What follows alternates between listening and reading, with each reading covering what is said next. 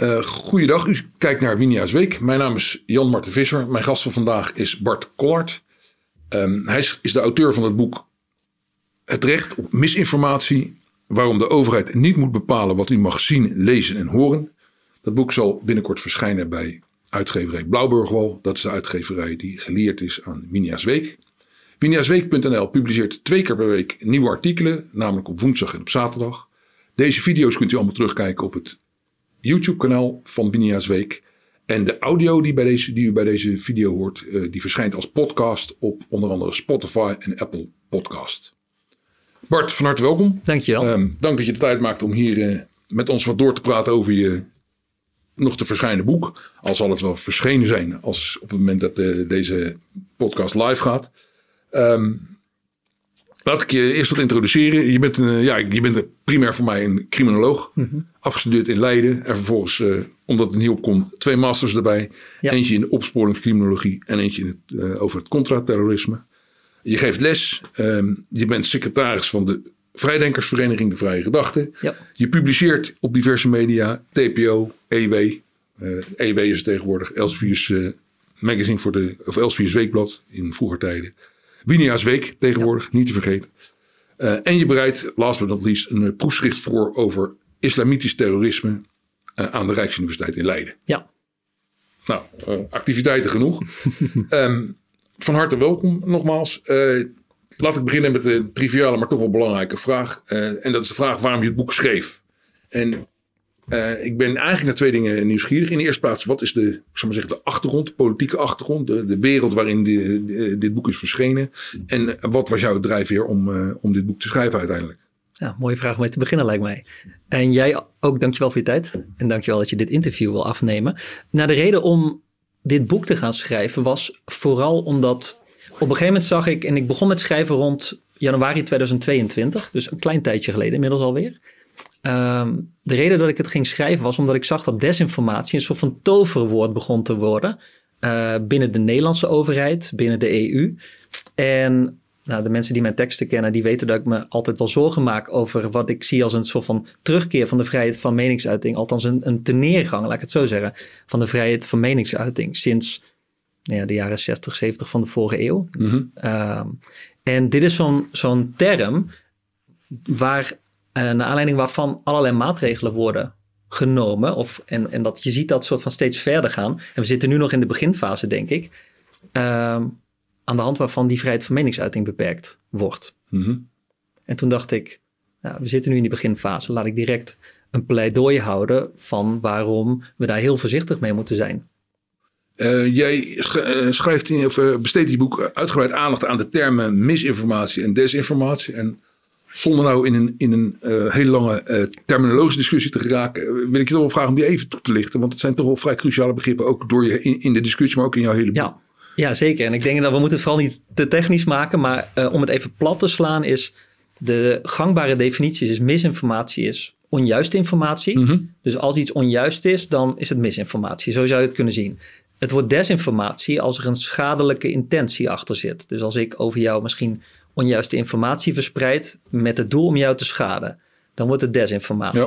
Uh, er wordt ook nog malinformatie uh, onderscheiden. En malinformatie is als dan die schadelijke intentie er is, maar de informatie is niet onjuist. Dus dit is bijvoorbeeld deels waar, ik laat wat context weg, uh, of het is helemaal waar. Dat zou bijvoorbeeld kunnen zijn dat ik iets deel over iemands homoseksuele geaardheid in een orthodox religieuze gemeenschap. Oké, okay, dus als ik... Dan is het waar, maar ja? dan is het wel gericht om jou te schaden. Dat noemen ze dan mal. Maar de cruciale begrippen, misinformatie, desinformatie. Misinformatie is uh, onjuiste informatie. Ja. Nog afgezien van de intentie waarmee die uh, wordt geventileerd. Ja. En desinformatie gaat het heten uh, als het met bewust slechte intenties, als er, als er, als er onware feiten worden, of nou dat zijn geen feiten meer, maar onwaarheden worden verspreid. Ja. Mooie samenvatting. Had het boek eigenlijk niet gewoon dan. Het, het, het, boek heet nu Het recht op misinformatie. Het recht op liegen en belogen worden. nou, dat is grappig dat je het zegt. Mijn werktitel was hele lange tijd Het recht op desinformatie. Oké. Okay. Um, precies waarschijnlijk. Om, ik had toen ook die gedachte die jij nu waarschijnlijk hebt. Um, omdat ik dacht van dat is waar we ons op richten. Maar als je je dus verder gaat verdiepen, dan kom je dus eigenlijk tot de conclusie dat die term desinformatie is eigenlijk heel belabberd. A, omdat hoe kun je nou heel goed erachter komen wat iemand zijn intentie is bij het verspreiden van een bericht. Mm -hmm. Nou, dat is heel moeilijk. Ehm, en omdat wat je ziet is dat op hoofdlijnen dat het zo'n overheid of een EU, ehm, wanneer ze het hebben over desinformatie, de intentie staat heel vaak niet centraal. Dus wat centraal staat is het feit dat het bericht onjuist is. Lees misinformatie. Dus toen dacht ik, ik moet die scope eigenlijk verbreden. En ik moet het niet gaan hebben over desinformatie, want dat is veel smaller. Ik moet het gaan hebben over misinformatie. Het verspreiden van onjuiste informatie, ongeacht de intentie. Oké. En nu is dat is het verspreiden van uh, ja, onjuiste of onwaarheden via, met, met de komst van social media en internet in het algemeen enorm toegenomen natuurlijk. Er is gewoon ook veel meer informatie. Um, nou ja, een van de hoofdtheses van je boek is dus dat je, ondanks het feit dat dat af en toe best wel slechte effect, of storende effect heeft, dat het dat je het kind met het water, badwater weggooit eigenlijk. Mhm. Als je heel erg gaat censureren op die informatie. En daar gaat uh, tot vrij grote hoogte je boek over. Um, jij maakt een hele belangrijke vergelijking. Uh, en, en, daar besteed je ook de nodige pagina's in. Um, tussen goochelen en uh, mis- en desinformatie. Ja. Een vergelijking die mij verbaasde totdat ik het gelezen had. Kun je eens uitleggen waarom je dat een, een, een, een belangrijke vergelijking vindt? Ja, wat die vergelijking eigenlijk Natuurlijk. Nou, misschien is dat ook wel goed voor de kijker en luisteraar om te weten. Maar um, ik ben dus ook een goochelaar. Um, dat doe ik niet fulltime. Maar ik vind dat leuk voor de bij. is een hobby. Um, een mentale goochelaar zou je kunnen zeggen. Dus ik ga zo meteen jouw pincode proberen te achterhalen. Ja, en dan okay. uh, moet ik, heb ik alleen nog je pasje nodig. Ja, ja. maar stel je er niet te veel bij voor. dat ja. ja. Nee, maar de reden waarom is... nou, wij groeien op in een samenleving waarin magie en het bovennatuurlijke um, vanaf kinds af aan al voorkomt. Uh, dat, het hoofdstuk over goochelen begint ook met een tekenfilm, teken, een kinderserie, Wanda en the Alien. En er is een alien en die kan magische dingen doen. Die kan een, um, een, um, een roze nijlpaard dat getekend is tot leven wekken. Nou, daar groeien we mee op. Um, is dat problematisch? Nou, ik weet niet of dat problematisch is, maar het is wel de realiteit. En wat je ziet is dat in die goochelkunst wat daar centraal staat is eigenlijk misleiding. Ik als goochelaar probeer jou te misleiden. Um, en daar zitten dus al overeenkomsten met desinformatie. Want ook bij desinformatie geef ik jou informatie met een doel om jou te misleiden. Bij goochelen is dat ook zo. Alleen de, de intentie zou je misschien niet kwa, uh, kwaadaardig kunnen noemen mm -hmm. als het om goochelen gaat. Maar er zitten soort gelijke mechanismes achter. Daarnaast, en dat, dat hangt er ook heel erg aan vast, is dan wat het weer met jou doet. Want um, als ik een muntje hier laat verdwijnen, dan is jouw waarneming is juist, maar je interpretatie is onjuist. Want jij ziet gewoon precies wat er gebeurt. Ja. Het muntje verdwijnt ergens in mijn hand en dan is het weg. Ja. Dat is je waarneming feitelijk. Ja. Maar je interpretatie is, het is verdwenen of... Hè, dus je gaat er iets mee doen. Je gaat dingen invullen. En dat is precies wat in dat mis- en desinformatie uh, uh, gebeuren ook het geval is. Je gaat dingen invullen als, als ontvanger van mis- of desinformatie. Dus die goochelkunst is best wel relevant om te begrijpen wat gebeurt er nou precies. Uh, zowel uh, met de verzender van, van mis- of desinformatie, degene die dus de goochelaar zou je kunnen zeggen, of de ontvanger, het publiek. maar kun je dan zeggen dat een goochelaar liegt? Nou ja, ik denk het wel. Maar het hangt, het hangt wel vanaf wat, wat de boodschap van de goochelaar is. Uh, want je hebt ethische goochelaars, dat punt dat maak ik natuurlijk ook in mijn boek. Ja. Die zeggen, dat doe ik zelf ook, van ik heb geen bovennatuurlijke krachten. Maar het gaat mij erom dat ik wil dat jij een mooie avond hebt. Hè? Dat je, dat Experience. Je, en ja, een beetje, ja, beetje ja. gewoon terug naar je jeugd. Dat je denkt van wauw, ik zie iets gebeuren. Dat kan eigenlijk En ik weet ook dat het niet kan. En dat, uh, maar ik heb wel een mooie ervaring inderdaad. Uh, maar daar kun je heel eerlijk over zijn. En nog steeds kan het voor jou als toeschouwer kan het, kan het leuk zijn om naar te kijken. Maar ik kan het ook presenteren als dat ik een lijntje heb met, met een engel of zo bijvoorbeeld. Um, en dat die mij informatie over, jou, uh, over jouw vader doorgeeft, die is overleden bijvoorbeeld. Dus het is net, het is net hoe het presenteert. Maar in de kern, ja zeker, goochelaars kunnen leugenaars zijn. Oké, okay, dus, dus de vergelijking met goochelaar leeft, uh, leeft een inzicht op in, in hoe desinformatie werkt. Namelijk dat ja. je als mens geneigd bent om de blinde vlekken als het ware in te vullen met jouw interpretatie. Ja. Um, maar levert de vergelijking met goochelen ook inzichten op over hoe je je nou tegen desinformatie te weer kunt stellen? Ja, zeker. En, en uh, dat is een goede vraag, man. uh, ik denk vooral wat belangrijk is, zuiver interpreteren. En daar gaat het vooral om. En dat is wat jij soort van als, nou als, als je naar een goochelshow gaat, moet je gewoon lekker achterover leunen en het op je af laten komen. Ja. Maar als jij de waarheid wil achterhalen van wat is daar gebeurd, dan is het heel belangrijk dat je zuiver interpreteert en heel feitelijk blijft. Dus wat heb ik precies gezien en wat vul ik nu in? En dat is ook denk ik hoe je zou moeten omgaan met mis- of desinformatie. Als er een filmpje wordt gedeeld over een strijdgebied, mogelijk in Oekraïne bijvoorbeeld, ik noem maar iets. Ehm, dan zou je daar hele kritische vragen over moeten stellen. Wat zie ik precies gebeuren in dat filmpje? Hoe weet ik dat, dat het is waar het is opgenomen? Is Hoe het weet ik überhaupt dat... Oekraïne? Nou, dat bedoel ik, ja. Ja, want, ja. want er is ook zo'n hele bekende, die, gaat, eh, die ging in het begin van de oorlog rond. Daar zag je ook allemaal ja, kapotte eh, gebouwen. En dat bleek Beirut te zijn. De explosie die we een paar jaar terug hadden. Die enorme explosie die de halve stad heeft weggevaagd. eh, gevaagd. Ja. Dus ik denk dat het dat vooral is waar, wat die goochelkunstje kan leren. Is dat je gaat kijken naar welke waarneming heb ik precies gedaan en waar zitten mijn... Want dat is hoe onze hersenen werken. Wij, we denken in hokjes, we proberen, we zien een paar puzzelstukjes en we plakken dat aan elkaar. En dat gebeurt bijna automatisch. Ja. En als je je daar bewust van bent, dan kun je ook beter weer omgaan met mis- of desinformatie. Als ontvanger van die informatie. Ja, hetzelfde fenomeen als wanneer je klinkers weglaat uit woorden. mensen dat in de helft van de gevallen niet, niet opvalt omdat ze het zelf aanvullen. Ja, Je hebt, in je boek ehm, besteed je ook ehm, aan de hand van Hannah Arendt onder andere en George Orwell in 1984 aandacht aan totalitaire regimes Ja. en hun wat moeizame relatie met waarheid en met vrijheid van meningsuiting. Mhm. Maar, ehm, en dan citeer ik je even, je zegt ook, ehm, even kijken, waar heb ik het? Maar ook een democratische regering die bereid is om te veel inbreuken op grondrechten te maken, bijvoorbeeld door misinformatie te bestrijden, kan totalitaire trekken krijgen. ja, En dan kom ik voor mijn gevoel komen we alweer wat dichter bij huis. En je werkt het onder andere uit, of in eentje verder in je boek, over een, ja, daar analyseer je het jaarverslag van de, de IVD. Mhm. En dan zeg je van, ehm, constateer je eigenlijk dat in dat jaarverslag steeds dingen met, ehm, met ik moet even, even spieken, met anti-instituut. extremisme Ja. worden aangeduid. Die eigenlijk, zeg jij, gewoon activisme zijn. Als in demonstraties, Mhm. Ja. eh, kritische publicaties, Ja. dat werk. Ja, En daar eh, leg je toch wel even nadrukkelijk de vinger bij. Kun je dat eens wat, eh, wat toelichten? Ja, zeker. Ehm, ik denk dat de IVD, want dit is 2022 geloof ik. Ja, klopt. Ehm, de IVD struggelde toen heel erg in dat jaar. Want het was zo'n beetje het einde van COVID. Hè? Ehm, ehm, en de IVD worstelde heel erg van ja, hoe moeten we hier nou mee omgaan? Want we zien dingen die misschien activistisch zijn. En die leiden tot extremisme. Ja. En dat is sowieso iets waar de IVD zich. Dat is natuurlijk een heel moei- moeilijk spanningsveld waar de IVD in zit. Want die is er eigenlijk voor bedreigingen tegen onze democratische rechtsstaat, tegen onze manier van samenleven. Ehm, maar als jij, ik zeg altijd van als je pas gaat handelen op het moment dat iemand met een Kalashnikov ergens naartoe loopt, ben je eigenlijk al te laat. Dus je moet natuurlijk ook logischerwijs aan de voorkant zitten. Maar ga je Ja. te vroeg zitten op activisme bijvoorbeeld. Ja, als iemand boos is en die gaat met een bordje op de dam staan.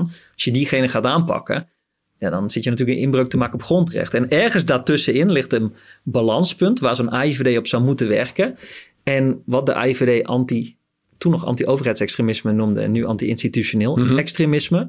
Eh, wat ze in dat jaarverslag schrijven is op een gegeven moment van ja, dingen zoals, ik weet niet meer precies welke voorbeelden ze noemen, maar ehm, volgens mij demonstraties of podcasts opnemen, zoals, Ja. zoals deze misschien wel. Deze subversieve podcast. ja. Pas op, ze gaan ons zo meteen volgen. Eh, nee hoor. Maar, ehm, maar dat soort dingen kan een voedingsbodem zijn voor anti-overheidsextremisme. Dat was wat de AIVD zei. En kijk, op het moment dat je dat activisme en extremisme te veel gaat mengen, Ja. dan wordt het gevaarlijk. En dat is een beetje mijn punt. Oké. En vind je, heb je de indruk dat dat ehm, een, een, een trend is die al gevaarlijk begint te worden? Hoe, hoe, eh, op, op hoeveel graden staat, de, staat de, de thermometer, zeg maar? En dat is moeilijk, omdat, eh, want de AIVD is natuurlijk een geheime dienst. En Ja. voor een geheime dienst zijn ze wel heel open, als je het vergelijkt met andere diensten. Want ze doen heel veel eh, ook publieke rapporten eh, ehm, publiceren. Ehm, En dan kan je zien van hoe kijken ze een beetje naar deze problematiek of die problematiek. Maar, en je ziet dat ze heel erg worstelen. Dat, dat zie ik heel erg. Als je die, die verslagen analyseert, ze worstelen van wat moeten we hiermee eh, met, met bijvoorbeeld dat anti-institutioneel extremisme. Ja. En ik denk dat het nog wel meevalt, maar je ziet wel een beweging van ja, waarom focussen we ons hier zo ontzettend erg op? Hè? Want, eh, want op het moment dat jij eh, anti-institutioneel extremisme wil aanpakken als, weet ik het, overheidsmedewerker, ik denk dat je zo'n pot met geld krijgt. Ja. Terwijl misschien dat jihadisme, want in al die verslagen van zowel de NCTW als AIVD, dan blijkt dat jihadisme is nog steeds de grootste dreiging voor Nederland als het gaat om terrorisme. Maar dat wordt toch een beetje, dat verschuift naar de achtergrond. Ondanks dat ze dat in elk verslag weer noemen. Ja. Nu, nu zou je kunnen zeggen dat er een trend is, en die is niet alleen in Nederland, dat, dat er toch wel, dat er, je zegt dat ook wel in je boek, dat, dat ehm, ja, de censuur of eh, discussies daarover is weer, weer, weer wat verder gaan. Ja, En ehm, als je het hebt over de Nederlandse wetgeving, de, de virerende wetgeving zal ik maar zeggen, dan heb ik de, sterk de indruk dat jij die eigenlijk al te ver vindt gaan. Ja. In die zin dat bijvoorbeeld bij ons in Nederland, ik wist dat niet eerlijk gezegd, maar zowel belediging als groepsbelediging, ik eh, vat het even als één pakketje samen, Ja. als, als eh, wat was de andere ook weer, discriminatie, Ja, aanzet tot die zijn al, die zijn al bij wet verboden. Mhm. En eh, ja, jij, ja, wat jou betreft is dat al een station te ver. Kun je dat eens een beetje, een beetje toelichten? Bijvoorbeeld, om, laten we beginnen met, met, met, met belediging. Nou, ik kan ze op zich wel allemaal een beetje op hoop gooien. Dat is misschien makkelijker. Ja, ja. Uh, maar belediging is een mooie. Kijk, het zijn hele subjectieve de- delicten. Hè? Dus als ik jou, uh, noem eens iets, ja, ik kan jou moeilijk voor kalen uitmaken, want dan beledig ik mezelf Nee, ja, ook. ja, ja. Maar laten we zeggen dat ik een mooie boshaar en ik zou je uitschelden voor kalen. Ehm, en misschien vind je dat heel beledigend. Misschien vinden andere mensen dat niet. Dus het is heel subjectief. Mhm. En je zou wel kunnen zeggen, ja, er zijn wel dingen die ik tegen jou kan zeggen die waarvan iedereen vindt, of bijna iedereen vindt, ik moet zeggen ook bijna iedereen vindt dat ze, eh, dat ze beledigend zijn. Maar waar ligt dan de grens? Dus wanneer wordt iets belediging is? Ehm, moet ik de intentie erop hebben gehad? Wat als jij het dan niet als beledigend ervaart? Ehm, dat, dat is heel moeilijk om daar, om daar zeg maar, iets in te vinden. En dat vond ik heel mooi. Hans Steeuwen die zei ooit in 2007 geloof ik bij de meiden van Halal, Ja. Bimbo's en boer, boerkaas ja, op de pijnbank. Ja. Van ja, belediging kan ook een waarheid zijn die iemand liever niet wil horen. Zou dat dan betekenen dat je, en dat is dus wel zo, dat je sommige waarheden misschien niet zou mogen uitspreken, omdat ze beledigend kunnen zijn voor of een individu, dat is belediging, of voor een groep, groepsbelediging. En ik denk dat je daar, eh, daar moet je vanaf. Ik denk dat in een, in een democratische, in een open samenleving zou je, ehm, zou je bijna alles moeten kunnen zeggen wat je, wat je wil zeggen. En het, ik weet niet of het een aparte eh, juridische categorie is, maar het is een, pardon, een woord dat je wel veel hoort. Haatzaaien bijvoorbeeld Mhm. en racisme. Ja, daar, is, daar, geldt denk ik een beetje hetzelfde voor. Van, kijk, haatzaaien dus wat strafbaar is, is als ik jou aanzet om te gaan haten. Dus ehm, ik zou iets tegen jou kunnen zeggen waardoor jij Siep Wienier gaat haten. Ehm, Ik ben benieuwd. we moeten we, misschien kunnen we dit, eh, kunnen we dit gaan, eh, gaan eh, een gedachte-experiment gaan doen. Ja, Eh, maar nee, maar ik zou iets kunnen zeggen waardoor je Siep gaat haten. ja. Ehm, maar hoe meet je dat dan?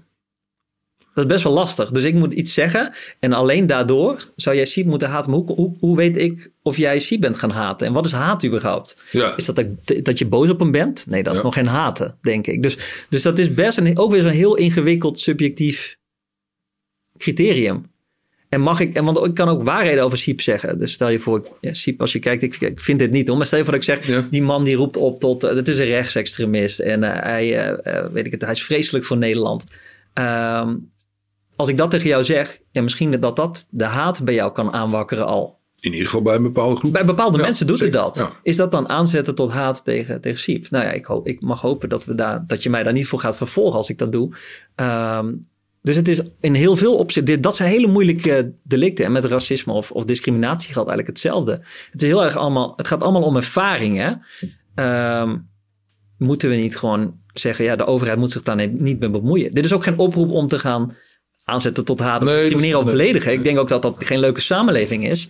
Uh, en ik denk dat je ook zoiets hebt als fatsoen en dat wij elkaar kunnen aanspreken. Als ik iets zeg waarvan jij denkt, nou dat uh, vriend, dat kan echt niet. Moet je mij aanspreken daarop. Maar dat Ja, jij prefereert andere mechanismen Ja, om dat te bestrijden dan een bemoeien. Ja, Ja. precies. En, en ja, het is een beetje een godwinnetje, maar toch wel relevant. En antisemitisme bijvoorbeeld, een, een, structurele... eh, Ja. Zou, je ook als een Ja. mening kunnen betitelen? Hoe, Klopt. En eh, ja, dat is ook het punt. Ik maak dat ook in het boek van, ehm, zeg maar, het antisemitisme. Dat is dan een soort van, dat zie ik dan een beetje als soort van de nadelige eh, kant van, zeg maar, dit standpunt. Ja, ja. Want antisemitisme in Nederland is, eh, is vervelend, is, Is is, is naar. Nou, Ja. hebben we het ook eh, van tevoren over de telefoon over gehad. Van hier in Amsterdam, als jij in de binnenstand met een keppeltje oploopt, nou, je hebt grote kans dat je klappen krijgt. Nou, dat is natuurlijk super zeker, ja. in Amsterdam zeker, helaas.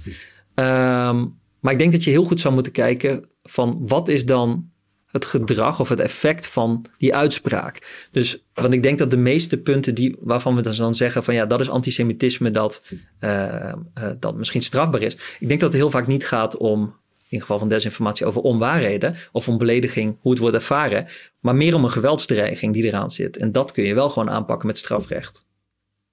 Ja. Dus ik denk dat je dat onderscheid soort van kan, eh, wel kan maken nog. Oké, ehm, in dit... Het is een beetje bezijden het belangrijkste betoog van jouw boek, maar ik ben er toch wel nieuwsgierig naar. Ik vond het opvallend. Ehm, jij neemt ehm, je hebt een vrij, eh, als het gaat over het waarheidsgehalte althans, vrij, vrij duidelijk oordeel over religies. Mhm. En eh, de methode, die, voor, die de volgens jou geldige methode om, om de waarheid te herkennen, is de wetenschappelijke methode. Daar heb je overigens een opvallend bescheiden approach in. In die zin van waarheid is iets wat steeds in ontwikkeling is. Hè. Ja. kan steeds gefalsificeerd worden. Dus Ja. het is heel moeilijk, zelfs in wetenschappelijke kring, om te zeggen van dit is een eeuwige waarheid. Want Ja. het, het nieuwe inzichten staan weer voor de deur. Ja. Maar, en, ehm, maar die bescheidenheid eh, heb je niet als het gaat om, om ehm, in je orde over de religie. Je zegt religie is gewoon onwaarheid. En je zegt Ja. ook van als de overheid zich systematisch gaat bezighouden met filteren van waarheden en onwaarheden, dan zouden religies ehm, wel eens het kind van de rekening kunnen zijn. Ja.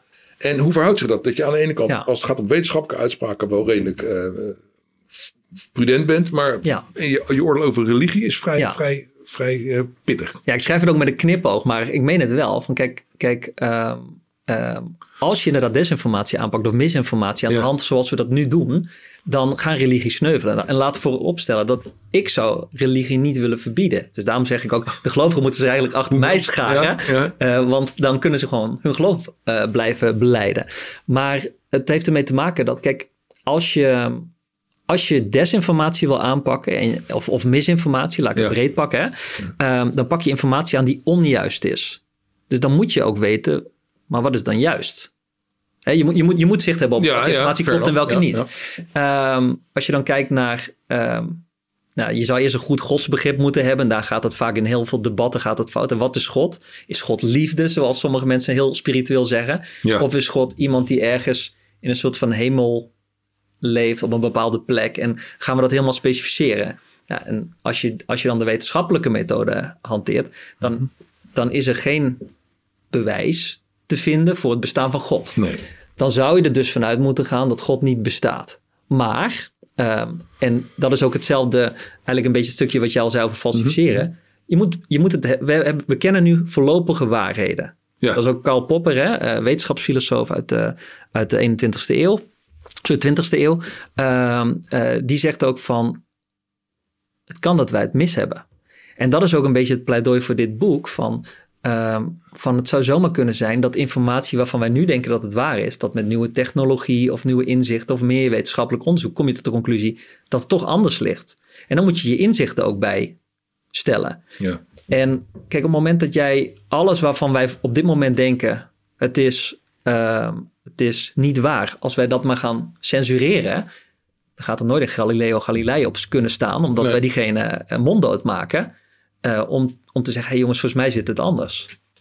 En, dat is, en dus, dus persoonlijk ben ik kritisch op religie. Eh, maar zoals ik al zei, als mensen religie willen beleiden en ze schaden daar niemand mee, be my guest. Ja. Ehm, maar ik denk wel dat uiteindelijk religie zal sneuvelen op het moment dat je desinformatie gaat aanpakken of misinformatie aan de hand van het criterium, ja, wat onwaar is, gaan we censureren. Ja, nou, zonder een hele.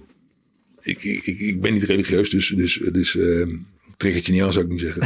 Maar, nee, maar het- ik bedoel, er is nog wel een verschil tussen iets dat, dat. Overigens, dat onderscheid maak je ook in, de, in het voetpoor van eh, de Engelse eh, denker Dawkins. Ja, Dat je zegt van ja, er is een verschil tussen onwaarschijnlijk. Nou, Klopt. Die, die zou Klopt. je ten aanzien van religie willen Ja. geven.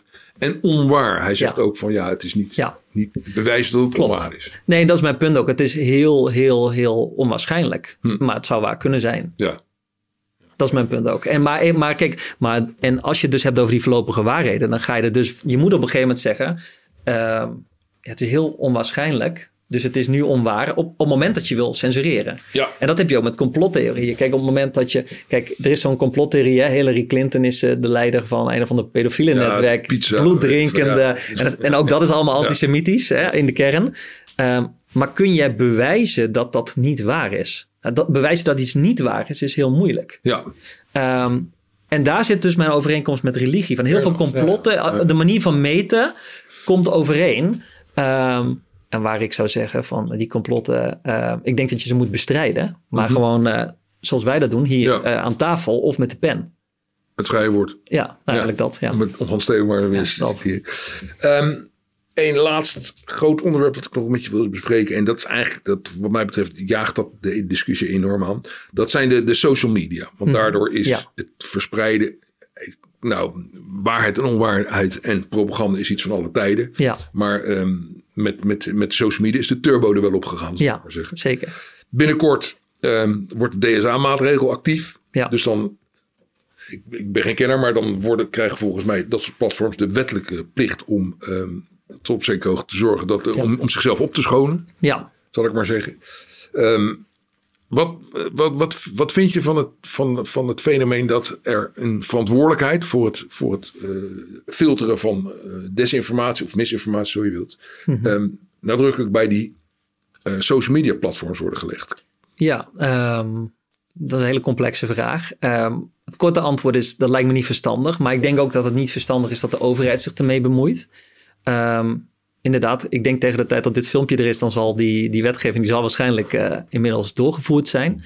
Eh, de DSA, de Digital Service Act is dat. Ehm, maar ik denk dat dat ook slechts het beginpunt is van meerdere stukjes maatregelen die vanuit de EU vooral komen. Ehm, maar wat vind ik ervan? Ja, kijk, in de kern dat jij ergens een tweet de, de wereld inslingert van iets wat niet waar is. Ja, ehm, van mij mag je dat doen. En ik denk dat het wel belangrijk is dat je een systeem creëert waarbij ehm, eh, wij moeten weerbaarder eigenlijk worden. Dat is het. Ik denk dat je al, en dat moet al beginnen met kinderen, van hoe ga je op social media om en hoe ga jij, hoe kun jij eh, Ja. een soort van verifiëren of checken wat er misschien, of, of een bericht dat je krijgt of dat waar is of niet. Ja. En dan kun je kijken naar eh, de bron, hoe was die informatie verkregen. Nou, er zijn natuurlijk heel veel indicatoren, hè? Eh, maar ik denk dat we daar veel meer moeten gaan, moeten gaan kijken. In het boek ehm, eh, maak ik een vergelijking met een, eh, met een heel groot café. Eh, dus stel je voor, je loopt een café binnen, even hypothetisch gedachte-experiment, en er zitten een paar duizend mensen binnen. En ik loop eh, langs, het, eh, langs, het, eh, langs een groep mensen en daar staat Koen de Jong tussen. En Koen de Jong die, eh, die roept iets, eh, nou wat dan ook, wa- waarvan we denken, oké, dat is een complot bijvoorbeeld. En vervolgens staat Femke Halsema staat verderop. En die roept ook iets over weer een ander complot. En in een café kun je die uitspraken doen. Ja. En er gaat niemand jou een caféverbod voor geven. Je wordt, je wordt niet door de overheid aangepakt. Ehm, en ik zeg ook wel onmiddellijk erbij in dat boek van... Kijk, die analogie die klopt niet helemaal natuurlijk. Want op social media is je bereik vele malen Ja, groter. Iedereen met diezelfde Ja. taal zou het kunnen lezen. Het blijft tot de eeuwigheid, tenzij je wordt gecensureerd... of dat je het zelf verwijdert. eh, blijven die berichten erop staan. Dus er is echt wel een groot verschil. Eh, maar ik denk dat Ehm, ik denk dat de overheid moet zich helemaal niet bezighouden met of ik, in, of ik informatie verspreid die onwaar is. Ik denk dat we dat gewoon ook daar weer, eh, we moeten dat, burgers onderling moeten dat oplossen. Ehm, ik denk dat dat veel belang, een overheid die zich gaat mengen in wat waar is en wat niet. Dan komen we eigenlijk op die eerdere vraag van jou. Ja. Die gaat totalitaire trekken, trekken eh, Ja. vertonen. Ja. ja, nou misschien een argument daarbij is, nogmaals, ik ben geen diepdenker over social media. Maar waar ik in de tijd van schrok was toen Trump van eh, Twitter verwijderd werd. Ja, En niet, niet, niet dat, ik, dat ik de tweets van Trump erg miste. Maar ehm, opeens grappig. realiseer je je wel eh, dat eh, als, als, als dat soort platforms ehm, die power hebben om iemand gewoon eh, af te sluiten en, en, en uit, Ja. tot op grote hoogte uit het publieke oog weg te, weg te bonjouren, Ja, dat dat die platforms een enorme politieke en maatschappelijke macht geeft. Dus, Ja. Ja, heel erg. En je ziet ook dat er zijn heel veel mensen ook tijdelijk bijvoorbeeld geband geweest van LinkedIn. Ja, waarvan later, en soms, ik geloof Leon de Winter zelfs, een tijdje van Twitter ook nog. Mhm. Ehm, echt absurd. Eh, ik weet niet meer waarvoor het was, maar eh, het was ook echt iets heel absurd. En dat heeft best wel lang geduurd voordat hij er weer op zat. Ehm, dat is gek. En het punt dat ik ook maak is, als mijn analogie met, dat, met die kroeg niet klopt, of ja, als, dat, als die vergelijking te slecht is, dan is dat misschien juist een argument tegen dat de overheid terughoudend moet zijn. Want dan heb je het er misschien over dat Twitter of LinkedIn of wat dan ook, hè, al die platforms, die zijn dan misschien zo fundamenteel geworden als onderdelen van het publieke domein, dat je dat moet gaan zien als ik ga iemand een gebiedsverbod geven. Om in een hele wijk te Ja. komen. Hè? Om, op het moment dat je zegt die vergelijking klopt niet, dan moet je het misschien gaan juist vergelijken met dat het iets fundamenteels is. Van hier, hier, en dan dat je dan zegt van ja, jij mag, eh, mag eh, bijvoorbeeld in Amsterdam Oost de kroegen niet meer in straks. En dat zou natuurlijk helemaal absurd Ja. zijn. Dus ik denk, of die vergelijking nou opgaat of niet, je moet heel voorzichtig zijn met gaan censureren van, van mensen. Ja, je kunt beter eh, je opvoeding erop afstemmen. Ja, dat. Zodat mensen ermee om kunnen gaan. Ja, dat ja. dat is helder.